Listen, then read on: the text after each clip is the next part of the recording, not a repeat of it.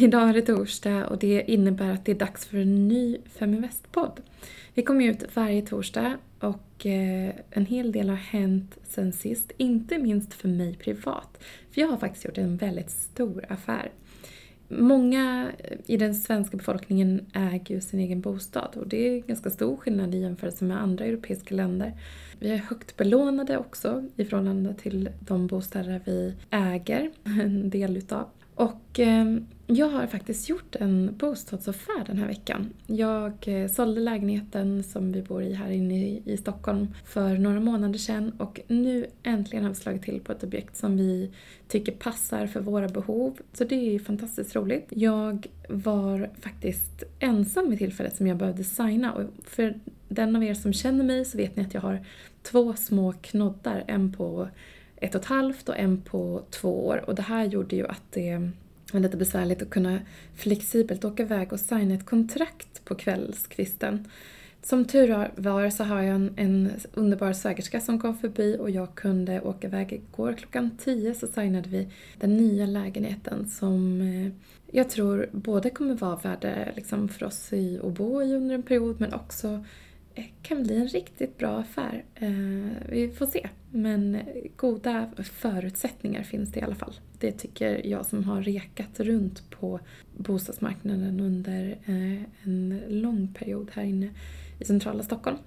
Hoppas att du har gjort några bra affärer. Kanske är det aktier eller andra typer av bolag kanske som du har gått in i. Ehm, Oavsett så tänkte jag att vi idag skulle prata om daytrading. Det här är ett ganska svårt begrepp. Eller det är svårt att få, få faktiskt lyckas som daytrader. Det är så att det finns ingen exakt statistik men det finns ändå indikationer på att uppemot 90% av de som ger sig in i eh, daytrading-upplägget och, och, och, köper och säljer aktier under dagen eh, när marknaden är öppen faktiskt misslyckas. Däremot så är det 10% som verkar kunna hantera trycket och, och, leverera och tjäna pengar och kanske till och med så pass mycket att man säger upp sig. Det jag skulle vilja säga initialt innan vi går in liksom mer i detalj på hur man ska liksom tänka rent praktiskt och lite råd på vägen är att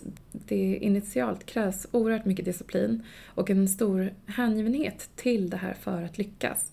Man behöver ha ett, ett bra fokus, veta varför man gör som man gör och eh, kunna hantera ehm, eh, köp och sälj i förhållande till om det inte går som man hade tänkt sig. Stor kunskap runt bolag, teknisk analys och även att kunna se, läsa av och se trender i hur det går för bolag är ett stort plus. Om man då skulle göra så att man säger upp sig och, och startar ett konto för att börja daytrada så alltså är det ju så att du betalar 30% i reavinstskatt på det du, du tjänar grundläggande. Det finns konton som är specialanpassade för mäklare eller traders. Där man till exempel kan få en typ av kostnad för att göra väldigt många olika transaktioner.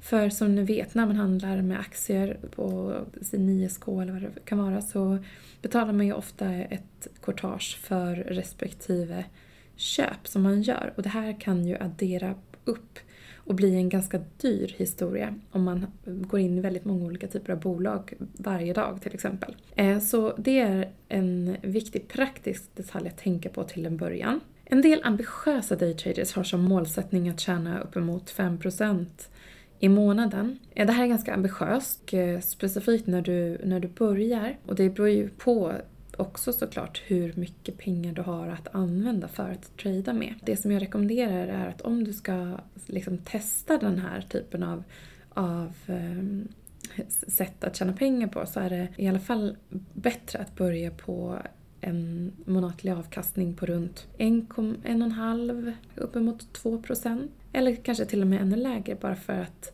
se ja, vilka förutsättningar och hur du funkar och om du trivs i den rollen. Det här, en lägre procent till att börja med initialt ger ju dig såklart större möjligheter att lyckas. Men jag menar egentligen, om man tradar och går på plus så är ju det faktiskt någonting positivt oavsett om det är 0,5% eller 10%. Eh, så man ska, inte, man ska inte förringa de där små procenten. Jag skulle inte rekommendera att du säger upp dig och kastar dig in i den här världen utan att ha testat. Eh, utan ett bra sätt egentligen att börja gå åt det här hållet på är ju att eh, swingtrada.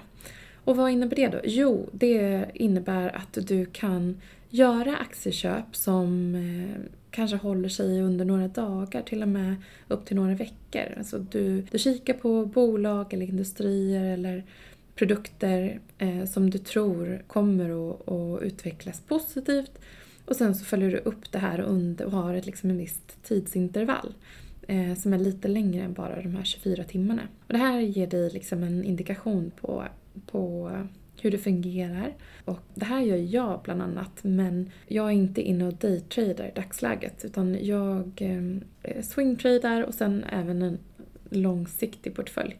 Men när jag väl går in i bolag så är det ju för att jag har specifik information som jag tror liksom kommer att göra att kursen går åt ett visst håll. Eller ja, det är lite, det är lite liksom krydda så att säga. Det är svårt att få tid när man har ett heltidsjobb och som jag har också, en, två små. Ehm, spännande. Vi ger oss in i lite olika tankar runt hur du ska tänka när du börjar. Den allra viktigaste förutsättningen för att du ska lyckas är ju att du har kunskap om hur det fungerar, vilka liksom mm, triggers som kan få en aktiekurs att, att dra iväg eller inte. Att Eh, förstå hur en, en handelsplattform fungerar. Ta dig tid till att sätta dig in i hur verktyget du använder dig av funkar. Det är viktigt. Gå in i bolag som har en likviditet eller om du inte går in i bolag, så valutor eller vad det kan vara, eh, men som ändå handlas i väldigt mycket. För du vill inte hamna i en situation där du försöker att sälja eh, och det är väldigt få som är intresserade av att köpa den aktien eller valutan eller, eller vad det kan vara. Så ett, ett stort flöde av kapital är ju positivt såklart. Jag skulle även ta en, di en dialog med andra traders om hur de tänker vilka verktyg de använder, fördelar och nackdelar. Ehm, det är viktigt att du hittar en, en, en, plattform som funkar för dig. Till en början så är det bra att vara specifik i förhållande till vad du ska handla för någonting. Man kan ju handla på väldigt många olika marknader. Det är aktier, du kan handla råvaror, valutor, du kan köpa index och det är ju omöjligt att sätta sig in i alla de här olika marknaderna. Så välj därför ut några som du fokuserar på och försök att läsa på ordentligt. Både tekniska analyser, följ nyheter, eh, forum där andra ägare diskuterar, aktieanalyser och lyssna och följ andra profiler bara för att förstå vad som triggar vad och hur, hur språket och tugget går helt enkelt. Jag skulle också sätta en typ av procent eller sätta en målsättning som du jobbar mot. Eh, och eh, för att oavsett om du ska göra det här i liten skala eller om du ska göra det här full time så är det viktigt att du ska kunna liksom hålla de målen som du sätter upp. Och sen så kan du utvärdera de här målen om det är för, på dag, daglig basis eller veckobasis. Men försök att hålla dig till den här strategin som du lägger. Och sen är det ju dags att sätta igång. Om du har lite mindre kapital så kan det vara en möjlighet att eh, investera i binära optioner eller digitala optioner. Och det här är eh, ett finansiellt instrument som eh, är bundna till underliggande finansiella instrument. Och det kan vara till exempel en råvara, eh, eller valuta, eller två olika valutor, eller en aktie. Det är egentligen det underliggande värdet som avgör om optionen stänger i de investerade pengarna. Om man då kollar på den här kortsiktiga handeln utav vad det nu kan vara för finansiell produkt så är det prisförändringar under dagen som, som daytraders rör sig inom. Och man har ofta som målsättning att stänga sina positioner innan börsen stänger. Därför att det är viktigt att eh, identifiera möjligheten när den väl dyker upp. För det är snabba puckar som gäller och eh, det gäller att agera och veta varför man agerar som man gör. Riskhantering är ju oerhört viktigt. Speciellt liksom när man har en, en typ av tidspress, tänker jag, som kan vara en extra påfrestning. Men om man vill liksom testa och laborera så finns det ju en hel del olika hävstångsprodukter för att få en större effekt av det du investerar än den den aktuella prisrörelsen den dagen eller den veckan. Om du väljer att handla med en så kallad eh, stop loss order som eh, är en typ av försäkring för att skydda dig mot, eh, mot eh, glapp i kursen. Då är det också viktigt att du skyddar dina positioner, dina placeringar när det går emot. Om det är så att det är en nedgång på börsen, det vill säga att Eh, marknaden rent generellt går ner så finns det också möjligheter att tjäna pengar på eh, det som de som är optimistiska runt en, en eh, börsens utveckling tjäna pengar på det här innebär att man blankar eller går kort. Och det här innebär att, att du kan tjäna pengar även när marknaden går ner. Och det här kan man göra specifikt för något något bolag också eller någon typ av råvara eller vad det kan vara också såklart. Det är oerhört viktigt med teknisk eller fundamental analys och det här är två olika strategier som används eh, vid blankning eller eh, och även för att se vilka trender och korrelationer som finns på marknaden. De allra flesta är i alla fall rörande överens om att det är viktigt att ha en plan för hur du ska tänka när du tar hem en vinst eller en förlust för den delen. Om du eh, väljer att gå lång så innebär det att eh, du har en position som utgår ifrån att marknadens pris eller värdet på börsen eller bolaget eller vad det kan vara kommer att öka. Och det kallar man alltså att ha en lång position eller att gå lång i marknaden. Det finns eh, många olika derivat som låter dig som trader ta både långa eller, eller korta positioner på marknaden utan att faktiskt köpa den faktiska underliggande tullgången, om det är guld eller, eller eh, börsen som helhet eller vad det kan vara. Ett annat tips som jag vill skicka med dig det är att det är ganska stor risk att börja spekulera inför att företag kommer med rapporter.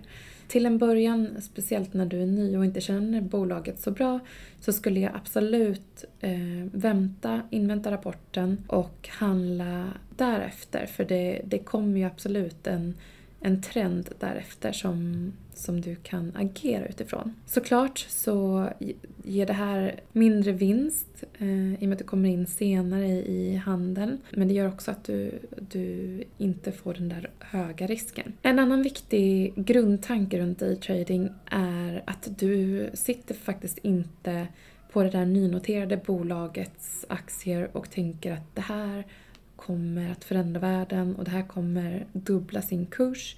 Utan du kollar egentligen efter mindre rörelser. Eh, och det där volatila är positivt för dig och gör att du, kan, att du kan köpa en aktie på kort sikt som du inte tror kommer att och ge något resultat på lång sikt. Man kan säga så här att alla aktier är värda att köpa vid någon, vid någon specifik tidpunkt för en daytrader. Det beror egentligen på vad, vad för incitament som finns i marknaden och vad för budskap som har kommit från bolaget, om det är en pressrelease eller en analys av något slag eller ja, någon typ av information, en rapport kanske. En annan vikt, eller viktigt råd att ta med sig är att inte vara rädd för att ta förluster. För att något utav eh, det värsta som som du kan, kan göra om du ser att en aktie går ner alldeles för långt är att eh, följa ner alldeles för långt i den trenden. Det är bättre att sälja snabbt och förlora någon procent än att vänta på att den ska gå upp. Och det här är ju, fungerar ju också i och med att om du som daytrader har en, en plattform där du inte betalar courtage för varje transaktion. Teknisk analys har jag sagt eh, är oerhört viktigt. Sen vill jag även tipsa om eh, olika typer av valutor. Eh, den amerikanska dollarn mot euron till exempel är bra, goda möjligheter för daytrading för det är en stor likviditet. Och eh, där kan du även kolla på swingtradingupplägg. Eh, även kika på ja, men vad som händer på andra marknader. Till exempel om det är nedgång i Asien kan du se en motsvarande uppgång då i, i, i Nordamerika eller Europa för den delen. Ett annat viktigt råd om du handlar på kort sikt är att inte kanske kasta dig in i handeln under den första timmen på dagen utan avvakta lite tills du ser åt vilket håll riktningen går. Även om du, om du till exempel har valt att inte gå in i valutor eh, men du vill gå in i, i bolag och någon typ av råvara så skulle jag ändå hålla mig till ett begränsat antal för att du måste ha möjlighet att följa med på utvecklingen under dagen och det ska inte vara, det ska inte vara för ansträngande i och med att det är så pass korta intervaller ibland som det kan handla om. Ytterligare en tanke är just det här med att gå in i bolag, alltså om du då inte identifierar dig som en daytrader eller en swingtrader och sitter där med skärmarna och så tänker du, gud jag har faktiskt inte någon bra möjlighet idag men jag måste gå in och handla någonting. Då så skulle jag inte göra det utan passa på att gå in när du har bra affärer som du tror att du har nosat rätt på helt enkelt. Om det finns en möjlighet så skulle jag inte specialisera mig eller konkurrera med väldigt många andra daytraders. Dock så är det viktigare med den här höga likviditeten som jag nämnde tidigare än att det är låg konkurrens bland andra daytraders. Mm. Som sagt, du vill inte fastna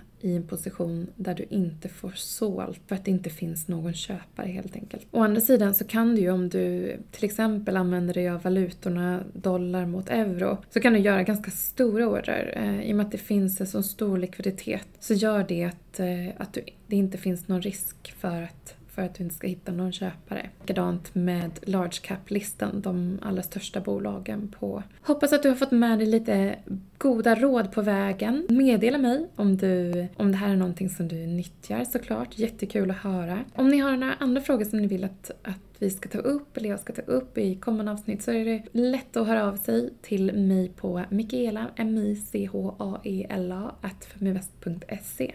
Önskar dig en trevlig helg. Nu ska jag springa iväg på ett event tillsammans med NGM-börsen här ikväll, så det blir trevligt. Ha det så bra, hej! Följ Feminvest på våra kanaler Facebook, Instagram, Youtube. Varje vecka så kommer vi även ut med en podd och du kan ju självklart även följa nyheterna som publiceras på feminvest.nu. Det är bara att söka på Feminvest på samtliga kanaler så hittar du till oss.